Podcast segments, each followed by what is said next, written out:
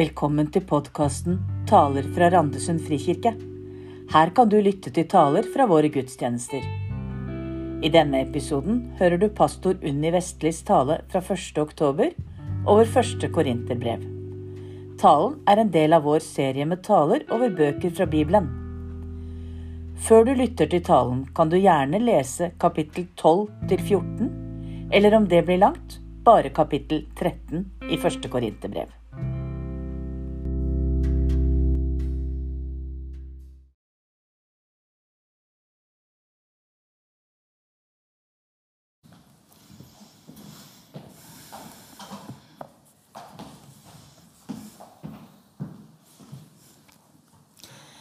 Vi skulle ligne mer på de første kristne, er det noen som sier. Fellesskapet i urkirka skulle vært et forbilde for oss. Og Da er det neppe menigheten i Korint de tenker på. Den menigheten som beskrives i første Korinterbrev, eh, virker mildt sagt kaotisk. Eh, menighetslivet bør ikke være noe forbilde for oss, det menighetslivet som beskrives derfra. Eh, jeg veit at den beskrivelsen eh, som står i apostelgjerningene 2 og apostelgjerningene 4, er gjerne det man tenker på når man sier dette er sånn vi skulle vært mer som urkirka. Der hvor det står eh, om de troende som trofast holdt seg til apostlenes lære, som delte alt de eide, og som var ett i sinn og hjerte. Men om jeg skal være realistisk, så er jeg redd for at mye menighetsliv og kirkeliv, både opp gjennom kirkehistorien og i dag, minner mer om menigheten i Korint enn denne kirka vi leser om i apostlenes gjerninger. Selv om de konkrete enkeltforholdene som prega menigheten i Korint, kanskje ikke er det som preger menighetene våre i dag, og ikke er så gjenkjennende, så er de generelle og bakenforliggende tingene som Paulus skriver om her, i hvert fall for meg ganske gjenkjennbare. Og Derfor så er Paulus' rettledning, som han sender til korinterne, ganske viktig for oss også å ha med oss, lese, ta til oss og la bli en del av våre liv. Enten eh, Enten som konkrete veiledninger til endring, eller som en påminnelse om hva som er det viktige for oss. Både som fellesskap og som enkeltmennesker. Litt om Korint. Korint eh, var en by som altså Den ligger i Hellas fortsatt, men eh, den lå i Hellas den gangen også. og kanskje bitte litt annet sted, men det er ikke så langt unna. Eh, der hvor Korint ligger i dag også. Og byen, på den tiden Paulus levde, da, så var dette et sete for det romerske styret over østlige Nei, det var feil. Over sørlige Hellas. Eh, Korint var en internasjonal by i stor grad. Det var både romere, og grekere og jøder bosatt der. Og så står det, når jeg slår opp på sånn Google og finner på Wikipedia og sånt noe, hva som står om denne byen, så står det at denne byen var kjent for sin velstand og for innbyggernes umoralske og lastefulle vaner. Så det er jo litt av en beskrivelse for en by, da. Paulus besøkte denne byen på sin andre misjonsreise. Eh, det kan dere lese om i apostelgjerningene 18. Der står det om dette besøket som Paulus hadde i Korint. Eh, og som vanlig, så ja, han, han, Den fortellinga om Korint er veldig sånn standard hva som skjedde for noe i veldig mange av disse stedene og byene som Paulus besøkte. Han forkynner evangeliet, først for jødene i synagogene. Når jødene avviser han, så går han til hedningene og forkynner evangeliet for hedningene. Og så møter han litt motstand både blant uh, jøder og blant hedninger. Men greia er at det er en del som tar imot. Det er en del som tar imot evangeliet, som eh, eh, danner et fellesskap der i denne byen. Og Paulus han blir faktisk værende der så lenge som halvannet år. Før han drar videre til Efesos. Og så har, oppholder Paulus seg i Efesos. Og så har han ikke vært der så forferdelig lenge før han begynner å få noen rapporter fra denne menigheten om at her er det ting som ikke fungerer så veldig bra. Og her er det ikke sånn som det er veldig mange andre steder og mange andre av de brevene som vi har gått igjennom på gudstjenesten her i kirka eh, dette halvåret. Eh, og i våres også, ja. Eh, så handler det ofte om at menigheten er trua av vranglære. Men det er ikke først og fremst det som er greia i Korint. Nei, menighetens problem handler om å leve livet i lys av det evangeliet som de har tatt imot. Eller for å si det litt eh, enklere, litt mer sånn med dagligdagse ord å leve i samsvar med det de lærte, og det de trodde på. Eh, nå er det sånn at Første korinterbrev er det andre brevet til korinterne som Paulus skriver. Eh, vi vet ikke hva det første brevet inneholdt for noe. Eh, det er ukjent, men det er henvist til det i første korinterbrev, så vi vet at det er skrevet. Eh, og når vi da vet at første korinterbrev som vi kjenner i Bibelen, ble skrevet ca. tre år etter at Paulus var i Korint, så vet vi at han allerede før det har skrevet et brev som nok også var ganske, eh, har inneholdt ganske mye veiledning og irettesettelser i forhold til menigheten. Så menigheten er ikke gammel før Paulus sier her må jeg, her må jeg gå inn og så må jeg veilede dere videre. Og Vi ser at Paulus skriver til en flokk som har vært sammen med over tid, som han kjenner godt, og som han bryr seg om. Eh, og Han kjenner en uro fordi de ikke lar det evangeliet som de har tatt imot, prege livene sine. Og Det kan se ut som om denne flokken i Korint har tatt i seg orda om Jesus, men ikke forstått hva det innebærer for de liva de skal leve. Og det ligger Paulus på hjertet å lære menigheten hva troen skal føre til i livet. Og Gjennom dette brevet så peker altså Paulus da på fem ulike forhold som vi kan dele inn her. Eh, når jeg deler det litt grovt inn som eh, korinterne trenger veiledning og rettledning i forhold til eh, dette livet som de lever. Det første Paulus viser til og snakker om, det handler om at det er strid mellom ulike partier i menigheten. Noen holder seg til Apollos, noen til Peter, noen til Paulus. Det er jo som om vi skulle vært her i menigheten, og noen sa ja, nei, jeg følger med Jostein og jeg følger med Unni. Nei, egentlig liker jeg bedre det som var før, så jeg følger egentlig Trine. og så har de begynt. Og så er det noen som sier men vi holder oss til Kristus. Og så blir Jesus en av disse som man kan holde seg til. og så begynner de å snakke hverandre ned. Ja, det er bedre å holde seg til Apollos enn til Paulus. Paulus hadde rett lære. Nei, Apollos hadde det. Og så begynner de å ha partier og stridigheter i forhold til dette. her sånn. Og så tenker jeg Jo da, vi kan le litt når jeg sier det på den måten jeg sier med menigheten. Og hvem holder vi oss til? Heldigvis er ikke det noe vi gjør her på den måten. Men det er ganske gjenkjennbart at vi begynner å holde oss til enkelte forkynnere, enkelte ledere. Eh, noen store navn, noen kjente navn. Noen vi sier ja, dette er min. Her, det, han er min leder. Og de som egentlig følger han, er ikke så, de er egentlig litt mindre kristne enn meg. og så kan vi bare se oppover i kirkehistorien, så ser vi at det er blitt danna ganske mye kirkesamfunn og menigheter. Og ja, Det er ikke så vanskelig å kjenne det igjen, og jeg tror vi kjenner det igjen i vår tid også.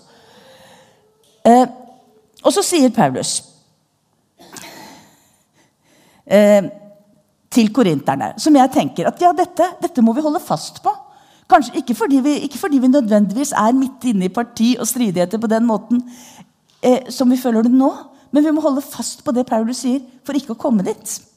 Han sier det er ikke Apollos eller Peter eller Paulus dere skal eh, holde dere til. For det finnes bare én Herre, og det er Jesus Kristus. Og det er han Paulus tjener, og det er han Apollos tjener, og det er han Peter tjener. Det er han de forkynner. De har ulike oppgaver, de har like ulike tjenester. Og de gjør kanskje ting på litt forskjellige måter og har litt ulike fokusområder. Men kjernen i det de snakker om, er det samme. Paulus sier vi er Guds medarbeidere. Og dere er Guds åkerland. Guds bygning. I kraft av den nåde Gud har gitt meg, sier han, la jeg grunnvollen som en klok byggmester. En annen bygger videre. Men hver enkelt må være nøye med hvordan han bygger. Og ingen kan legge noen annen grunnvoll enn den som alt er lagt. Jesus Kristus.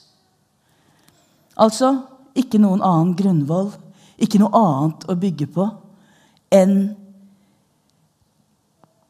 Ikke noen andre å bygge på enn Jesus Kristus, hans død og oppstandelse. For det er der livets kilde er. Det andre Paulus snakker om Dette var, dette var den første delen. Del nummer to handler om eh, seksuell ut, umoral og utsvevende liv. Det finner altså sted blant menighetens folk. Det fortelles konkret eh, om en som hadde et forhold til stemora si. Eh, og det var heller ikke uvanlig å benytte seg av tempelhorer også blant kristne i denne byen. Og mange i fellesskapet sa dette er da ikke noe problem. Vi er frie i Kristus. Nåden dekker alt.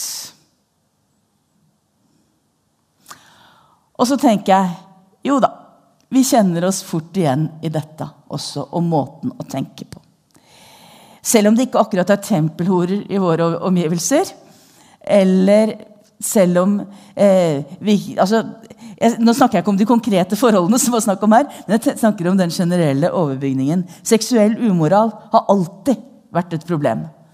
Eh, og om ikke annet så er i alle fall fristelsene på det området like aktuelle fortsatt som det de var i Paulus tid, og når han snakker til korinterne.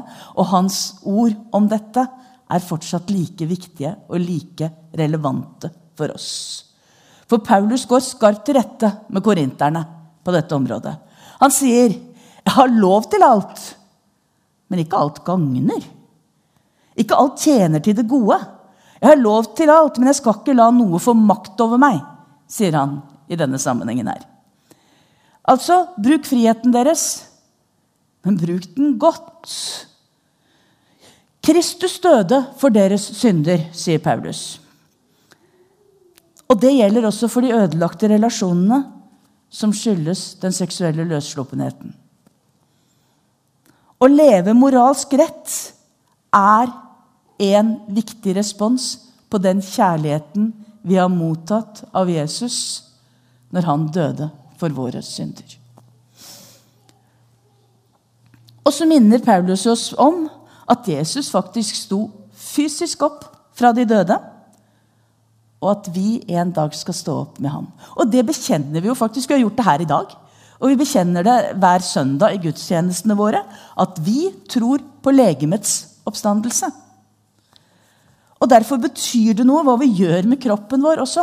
Det er ikke bare ånd og sjel som har noe å si. Det betyr også noe hva vi gjør med kroppen vår. Den tilhører Jesus. Og Paulus snakker her om at kroppen vår er Guds tempel. Hva vi gjør med vår kropp, har noe å si.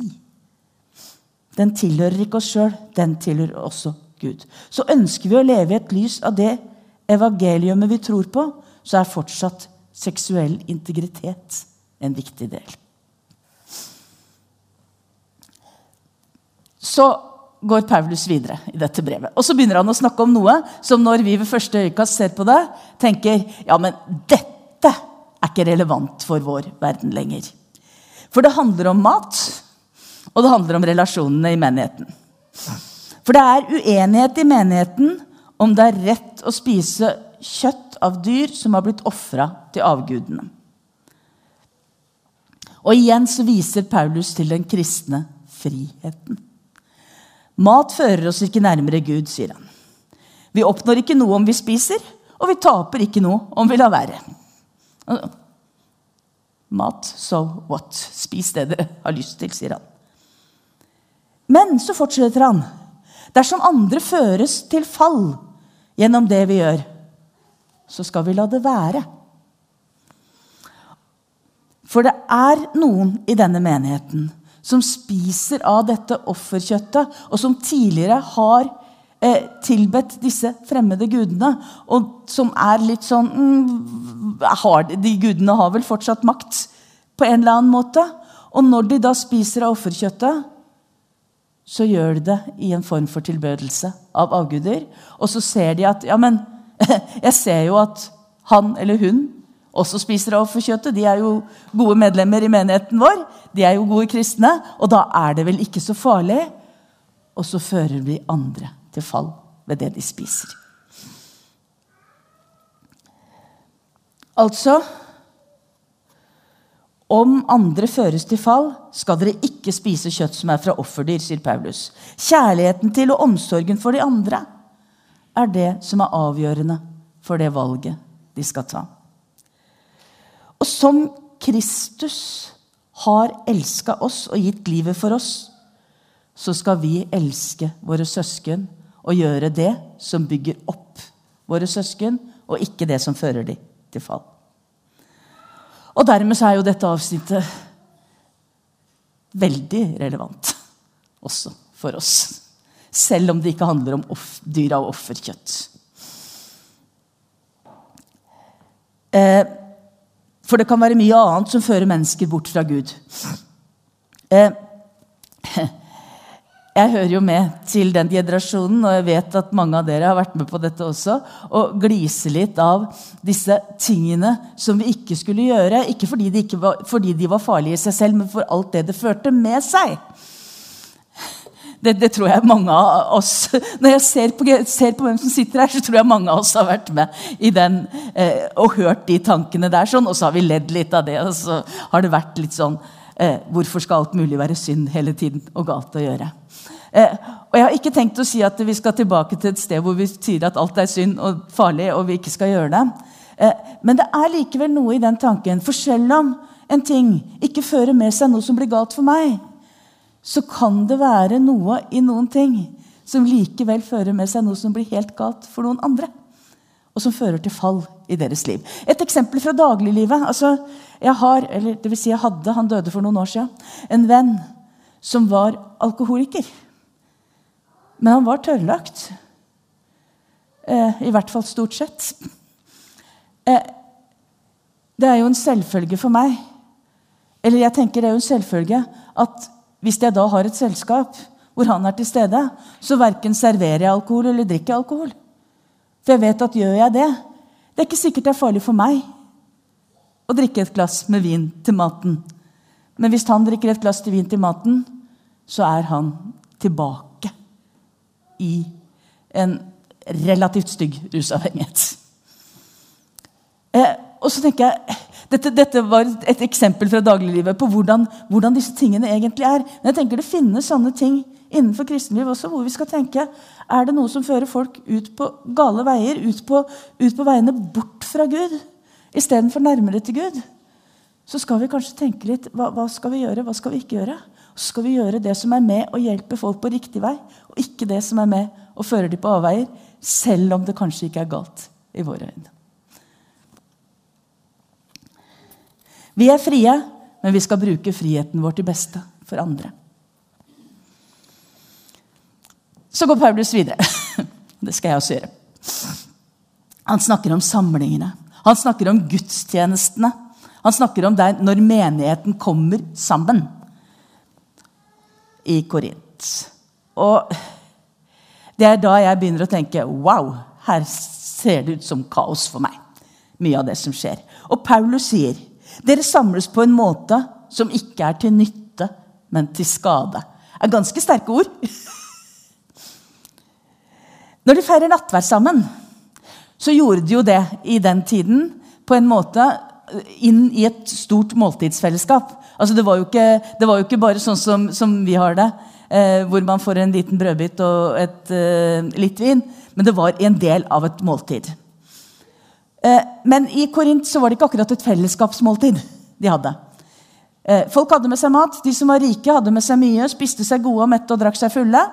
De som ikke hadde så mye, de gikk sultne hjem. Eh,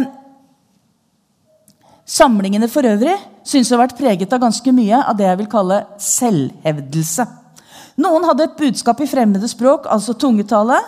Reiste seg opp, sier det med stor bravur, men det er ingen som har noen oversettelse på det, så ingen forstår hva de snakker om.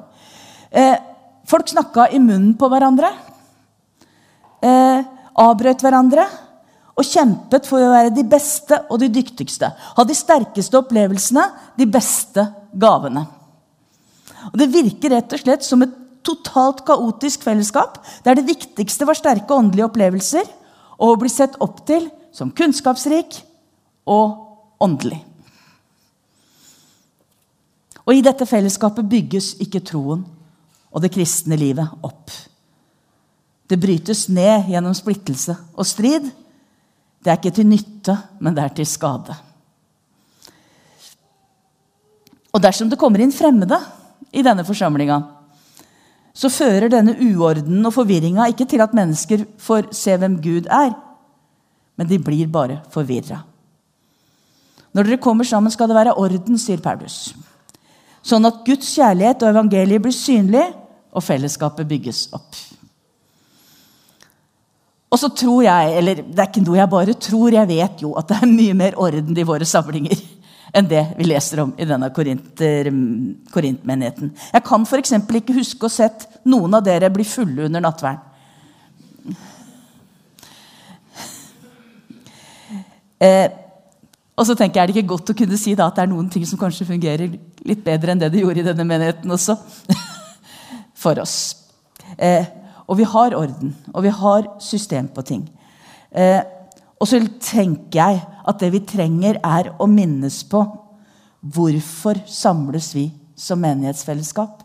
Og ha det ganske høyt oppe i hodet, også for oss. Om det ikke nødvendigvis handler om at vi trenger mer orden, så kan det handle om helt andre ting som vi trenger å få rydda opp.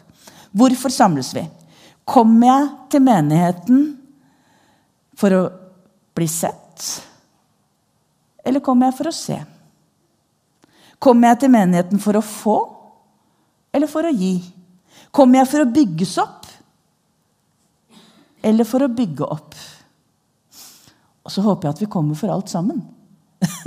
Men det er jo sånn i et fellesskap hvor alle som kommer, kommer for å se, for å gi og for å bygge andre opp, så vil alle som kommer, bli sett, få og bli bygga opp. Men hvis de aller fleste kommer for å bli sett, for å få og for å bygges opp, så vil det ofte være sånn at få får noe. Ser noe, blir sett, blir bygd opp. Og dette er noe å tenke på. Hvorfor samles vi? Vi samles for å bygge opp fellesskapet, ikke sjøl å bli sett og bli store. Det var fire ting. Jeg sa det var fem. Den siste jeg skal snakke noe om nå, eh, er faktisk eh, kanskje noe som likevel handler om vranglære, selv om jeg sa at det ikke var så mye av det i menigheten her. For det handler om de dødes oppstandelse. Det var altså noen i menigheten som hevdet at det ikke fantes noen oppstandelse. Eller at oppstandelsen ikke var viktig. Og Paulus er helt uenig. Han sier hvis Kristus ikke er stått opp, da er deres tro uten mening. Og dere er fremdeles i deres synder. Altså, Oppstandelsen er vesentlig, essensiell i det vi tror på. Og så fortsetter han også å si hvis vårt håp til Kristus gjelder bare for dette livet, så er vi de ynkeligste av alle mennesker. Paulus sier ikke at dette livet ikke er viktig, men han sier hvis det bare er dette livet, ja, da har ikke vi så veldig mye å bygge på. Jesu oppstandelse er avgjørende for syndenes tilgivelse. For i oppstandelsen ligger seieren over døden og dødskreftene. Og vi skal en gang stå opp til det evige livet i fellesskap med Gud. Det er vårt håp, og det er vår overbevisning. For døden er oppslukt, og seieren er vunnet. Og der skal jeg ikke si mer om i dag enn å si dette gjelder fortsatt. Døden er oppslukt, seieren er vunnet. Og dette er altså Paulus brev til korinterne. Dette er det han skriver om til denne korintmenigheten. En henvisning til en rekke forhold der fellesskapet ikke lever i lys av evangeliet, og ikke lever et liv som samsvarer med det gode budskapet som de har tatt imot. De tror, men livene deres vitner ikke om at Jesus er Herre. Og fellesnevneren for i hvert fall de fire første, ikke den siste som hadde med oppstandelsen å gjøre, men de fire første av disse punktene, eh, er egoisme og sjølhevdelse. De setter seg sjøl høyere enn andre, er opptatt av at de tilhører den rette gruppa. At de kan leve akkurat sånn som de vil, for de har blitt fri, så det har ikke noe å si hva det gjør med andre. Eh, og de ønsker å være den største og den beste i menigheten. Og midt i dette brevet, hvor denne selvhevdelsen påpekes, så sier Paulus Jeg vil vise dere en bedre vei. Om jeg taler med menneskers og englers tunge, men ikke av kjærlighet, da er bare en drønnende malm eller en klingende bjelle. Om jeg har profetisk gave, kjenner alle hemmeligheter, eier all kunnskap, ja, om jeg har tro så jeg kan flytte fjell men ikke har kjærlighet, da har jeg ingenting. Om jeg gir alt jeg eier, for brød til de fattige, ja, om jeg gir meg sjøl til å brennes, men ikke har kjærlighet, da har jeg ikke vunnet noe. Og så er det kjernen i første Korinterbrev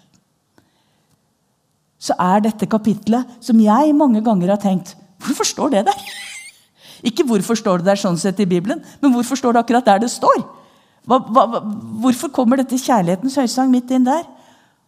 Og så tenker jeg, ja, men Det er jo selve kjernen i det Paulus snakker om til korinterne. Det er svaret på alt det korinterne strever med i sine liv og fellesskap.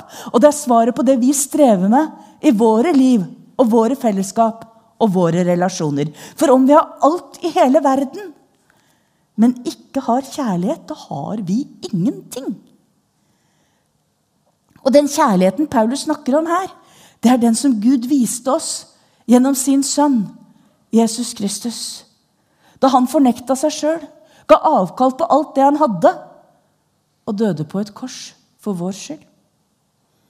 Det er kjærligheten som reiste Jesus opp fra døden og ga seier over alt det onde.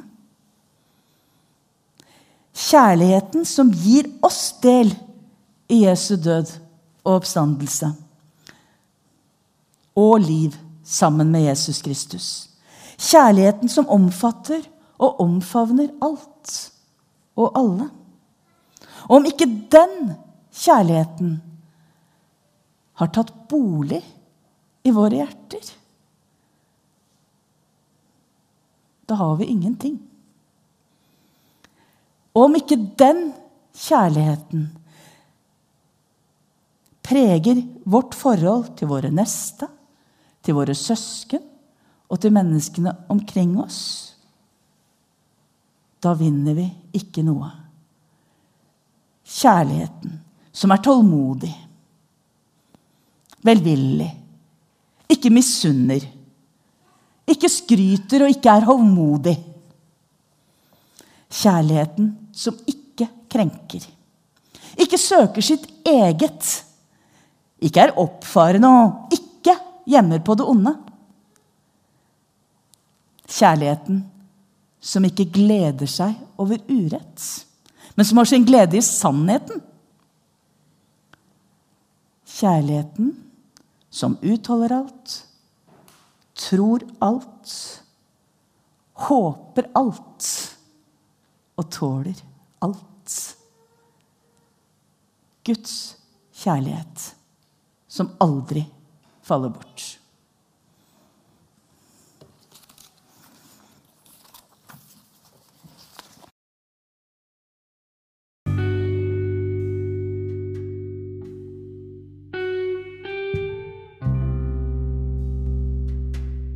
Du har nå lyttet til en episode i podkasten Taler fra Randesund frikirke.